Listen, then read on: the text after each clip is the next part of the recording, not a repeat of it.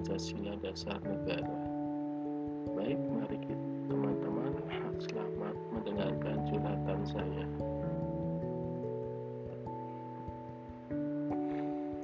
Baik, di bagian curhatan yang lalu saya berbincang tentang sejarah Pancasila, Pancasila dalam sejarah bangsa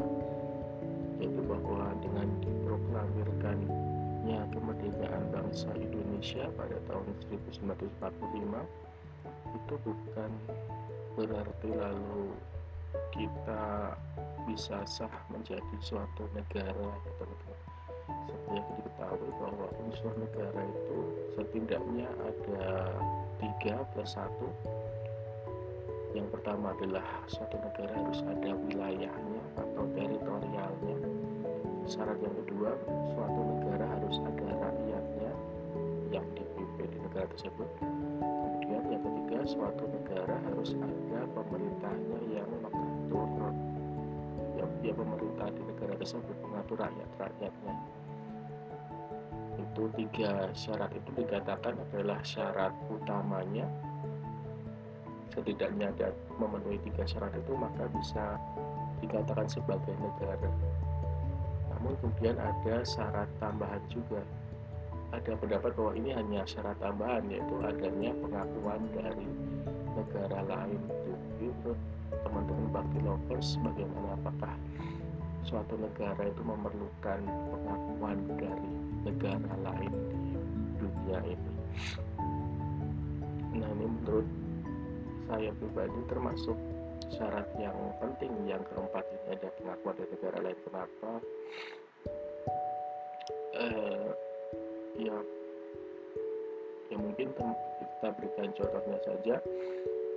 Di Mali di negara Mali itu ada penduduknya adalah berba berbagai suku. Dan salah satu sukunya adalah namanya suku Tuareg atau disebut sebagai suku uh, ber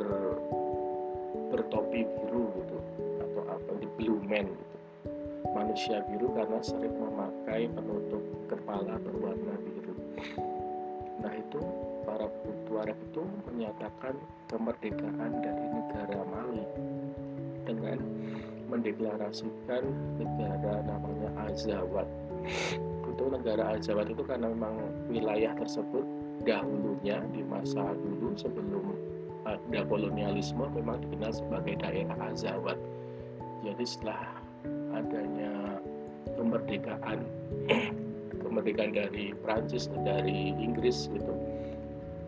Kemudian ingin lagi membentuk negara Azawad. Namun kemudian tentu saja tidak ada negara yang mengakui. PBB pun tidak mengakui. Jadi negara Azawad ini hanya sebatas diproklamirkan saja, tapi tidak ada negara di dunia ini yang mengakui negara Azawad. Padahal wilayahnya ada, teritorinya ada, rakyatnya juga ada, para suku Tuareg dan pemerintahnya juga ada. Namun kan teman-teman developers tidak pernah mendengar ada negara Azawad ini karena syarat yang keempat ini tidak terpenuhi adanya pengakuan dari negara jadi para suku Tuareg yang mendeklarasikan Azawad ini hanya dipandang sebagai pemberontak atau kelompok kelompok bersenjata yang ingin memisahkan diri dari negara Mali. Jadi yang diakui tetap negara Mali, dia mau mendeklarasikan apa tetap tidak diakui dunia internasional dan tidak dianggap sebagai negara karena tidak ada pengakuan dari negara lain. Tidak ada di negara ini yang ingin mendirikan kedutaan besar di negara yang didirikan di nama Azawa tersebut itu salah satu contoh bahwa saat tempat ada pengakuan dari negara lain ini juga juga perlu juga penting juga bukan syarat syarat mutlak dari unsur-unsur negara itu kalau pendapat saya.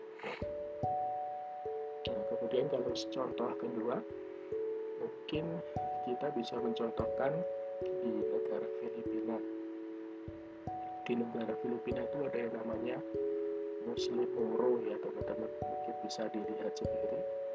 Dicari sendiri di search di internet tentang Muslim Moro bahwa uh, sebelum merdeka sebelum adanya negara Filipina di dimerdekakan oleh Amerika Serikat ya, itu memang di kerajaan di Muslim Moro itu sudah merupakan kerajaan sendiri yang terpisah dari Filipina yang kemudian saat dimerdekakan ternyata wilayah Muslim Moro itu diikut sertakan ke dalam wilayah Filipina.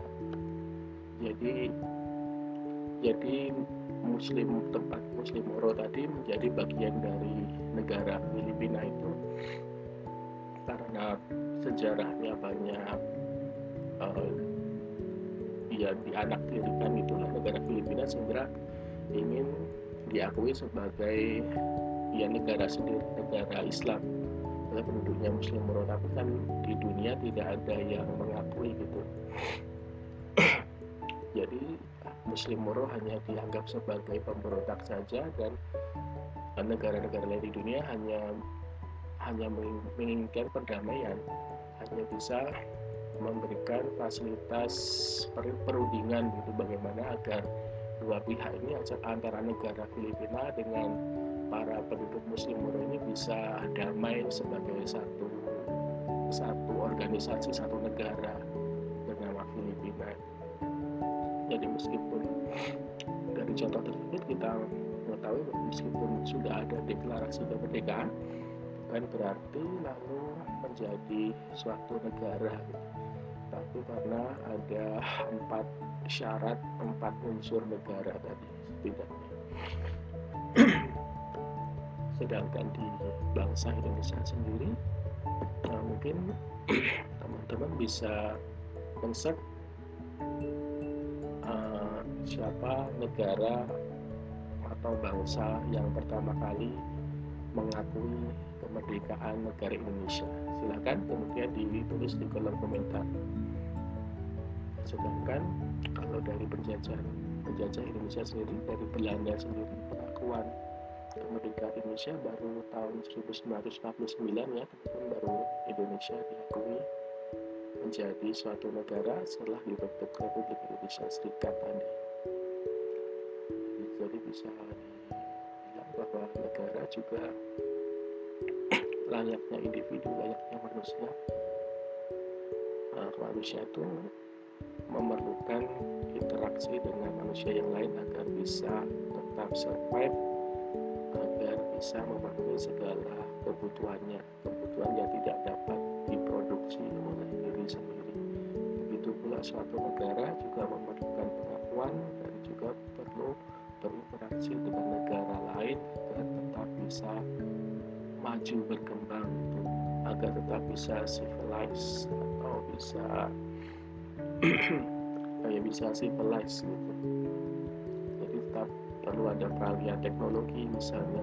Jadi kita hidup negara kita ini seperti individu di masyarakat internasional. Dan nah dan seperti dan negara itu juga merupakan organisasi, organisasi kekuasaan. Jadi dalam setiap organisasi pasti ada dasarnya dasar organisasi. Kenapa? Karena uh, suatu organisasi jika tidak ada organisasi tanpa dasar maksudnya tanpa dasar organisasi maka organisasi tersebut tidak mempunyai pedoman dalam menyelenggarakan tujuan organisasi tersebut. Yang tidak mempunyai arah, tidak mau, tujuan dan organisasi yang jelas ini dibentuk organisasi A. Misalnya untuk apa sih sebenarnya tujuan organisasi ini dibentuk yang pasti ada dasarnya dulu. Ada dasar organisasi untuk menentukan tujuan dan juga untuk menentukan cara yang ditempuh untuk mencapai tujuan tersebut. Apakah organisasi ini nantinya akan menjadi profit oriented misalnya organisasi yang mencari untung lalu mencari untung mencari untung di di bidang yang bagaimana ataukah untuk kegiatan sosial saja organisasi ini dibentuk. Sama saja dengan organisasi negara juga merupakan organisasi yang memerlukan dasar negara sebelum dibentuk. Karena dasar negara nantinya akan menentukan bentuk negaranya, bentuk sistem pemerintahnya, tujuan negara, dan jalan yang ditempuh untuk mencapai tujuan negara tersebut ada di dalam dasar negaranya tersebut. Sedangkan dasar negara di Indonesia merupakan Pancasila. Nah, Pancasila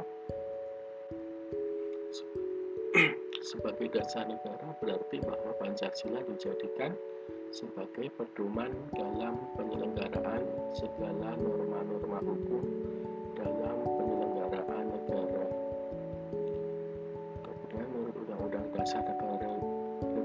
Indonesia yang dikemukakan dalam pembukaan bahwasanya Pancasila dapat dijadikan sebagai dasar-dasar negara yang melingkupi sebagai stat fundamental norm atau sebagai norma dasar negara, norma fundamental negara, maupun sebagai cita hukum atau reside dan juga dijadikan sebagai sumber dari segala sumber hukum.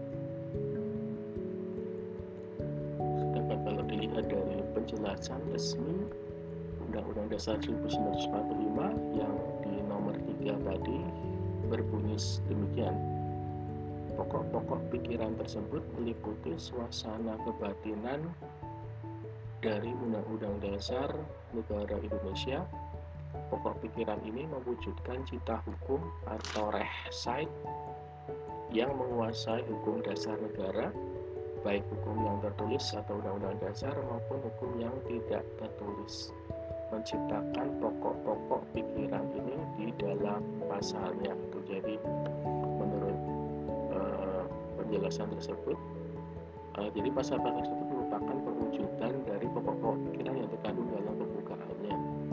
Ini berarti bahwa dasar negara uh, antara pembukaan dengan batang tubuhnya merupakan satu kesatuan yang uh, tidak dapat dipisahkan di antara pembukaan dengan pasal-pasal batang tubuh.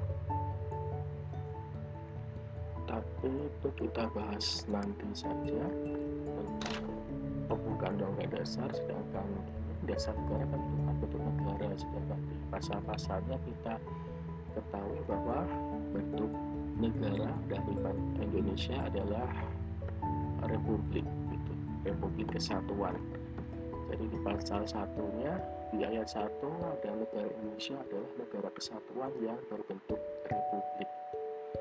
Pasal ayat 2-nya kedaulatan berada di tangan rakyat dan dilaksanakan menurut Undang-Undang Dasar. Ayat 3-nya negara Indonesia adalah negara hukum. Jadi sudah ditentukanlah bahwa organisasi yang disebut Indonesia ini organisasi kekuasaan yang disebut Indonesia ini akan berbentuk republik kesatuan, demokrasi, dan merupakan negara hukum atau segala sesuatunya harusnya tidak di, di, berdasarkan hukum dilandasi oleh hukum itu jadi bukan seenak-enaknya saja bukan berdasarkan kekuasaan saja melainkan hukum menjadi di atas dari setiap perilaku ada hukumnya ada batasannya. Sistem pemerintahan adalah ikatan atau hubungan yang terjalin antar lembaga negara untuk menyelenggarakan kekuasaan-kekuasaan negara dan menjalankan kepentingan negara dalam rangka mensejahterakan rakyat. Jadi untuk mewujudkan Indonesia merupakan negara hukum tadi pada dasarnya ada tiga prinsip yang harus dilaksanakan. Yang pertama adalah supremasi hukum atau supremasi of the law. Kemudian atau supremasi of law maksud saya bahwa hukum berada di atas itu. Hukum tidak ada eh, seorang pun yang kebal dari hukum. Jadi hukum berada di tingkatan atas supremasi hukum kemudian equality before the law atau kesetaraan di depan hukum. Jadi tidak ada yang kebal hukum karena semuanya dianggap sama di hadapan hukum. Dan due process of bahkan penegakan hukum pun dengan cara-cara yang tidak bertentangan dengan hukum. Jadi tidak ada kalau bahasa Eigenrechten kalau bahasa kerennya itu tidak ada main hakim sendiri gitu. Penegak itu tadi tentang uh, ya, bentuk negara bentuk sistem pemerintahan.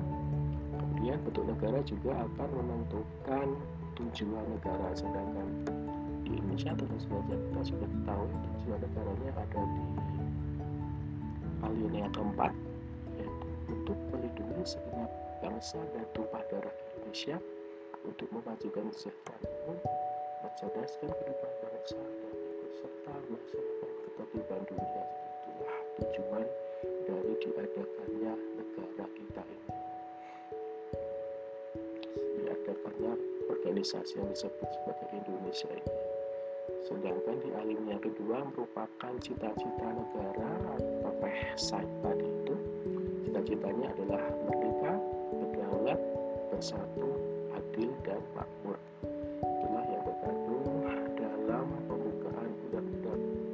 Dasar alimnya keempat adalah tujuan negara dan alimnya kedua adalah reside atau cita-cita negara.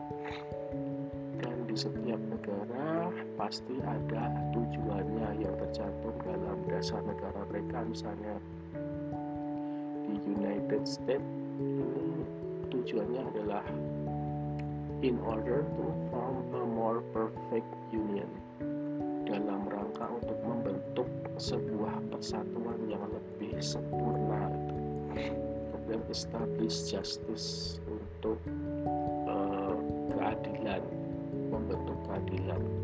Ensure domestic tranquility untuk memastikan uh, keamanan domestik itu ke keamanan ya keamanan domestik aman dari tenang ketenangan domestik. Kemudian provide for the common defense untuk menyediakan pertahanan atau keamanan bagi semua orang. Kemudian to promote the welfare and secure the blessing of liberty to ourselves and to our prosperity untuk mempromosikan kesejahteraan dan mengamankan anugerah kebebasan kepada kita sendiri dan kepada kesejahteraan kita. Jadi bisa dibilang bahwa tujuan dari Amerika Serikat lebih untuk menyatukan untuk keadilan untuk keamanan terhadap diri mereka sendiri dan juga blessing of liberty anugerah kebebasan. Jadi itu tetap tetap dicantumkan dalam dasar negara mereka anugerah kebebasan ada kebebasannya di ya karena setiap negara tentu berbeda-beda tujuannya karena konstitusinya pun berbeda-beda didasari oleh dasar negara pun berbeda-beda. Kalau di Malaysia contohnya juga ada namanya rukun negara itu Pancasilanya Malaysia. Teman-teman bisa baca sendiri ya. Kemudian contoh tujuan negara di India juga kita lihat. To constitute India into a separate democratic state. Jadi untuk menjadikan India sebagai negara demokrasi yang berdaulat. Jadi kita sudah lihat di sini bahwa negara India nantinya akan menjadi negara demokrasi. And to secure all our citizens justice, social, economic, and political liberty of thoughts yaitu untuk menjaga seluruh rakyat menjaga keadilan sosial, ekonomi, uh, kebebasan politik kebebasan sosial, kebebasan ekonomi, kebebasan politik dan kebebasan berpikir jadi kebebasan berpikir secara politis ini sangat dilindungi di India gitu. expression belief faith and worship equality of status and of opportunity jadi juga kebebasan berekspresi, kebebasan mempercayai, kebebasan untuk beragama, dan juga persamaan status, persamaan uh, opportunity atau kesempatan. And to promote among them all fraternity, assuring the dignity of the individual and unity of the union.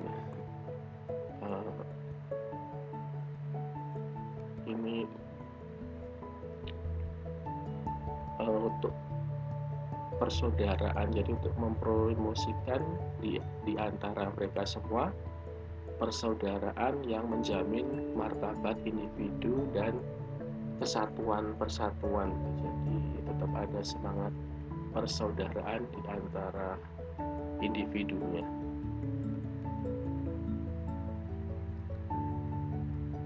Itulah teman-teman contoh-contoh tujuan negara.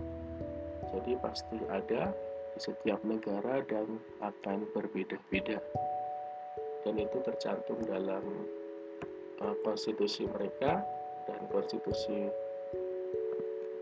ya konstitusi mereka juga di di dasari oleh dasar negara mereka masing-masing.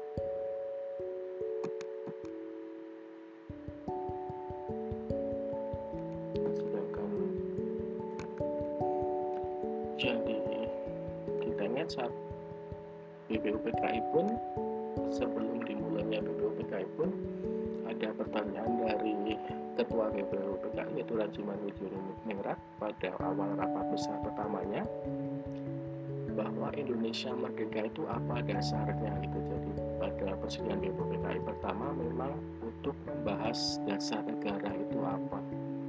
Dasar negara yang tidak hanya berlaku dalam arti hukum atau arti legal tapi juga nyata atau berlaku di masyarakat dalam arti berlaku efektif dan dilaksanakan secara murni dan konsekuen karena bersumber dari nilai masyarakat. Jadi bukan hanya secara formal saja bukan hanya secara asal ada saja hanya berlaku secara legal saja tidak tapi memang dasar negara yang memang berlaku secara murni secara praktek dalam keseharian masyarakat karena apa? Karena dasar tersebut diambil dari atau bersumber dari nilai-nilai masyarakat.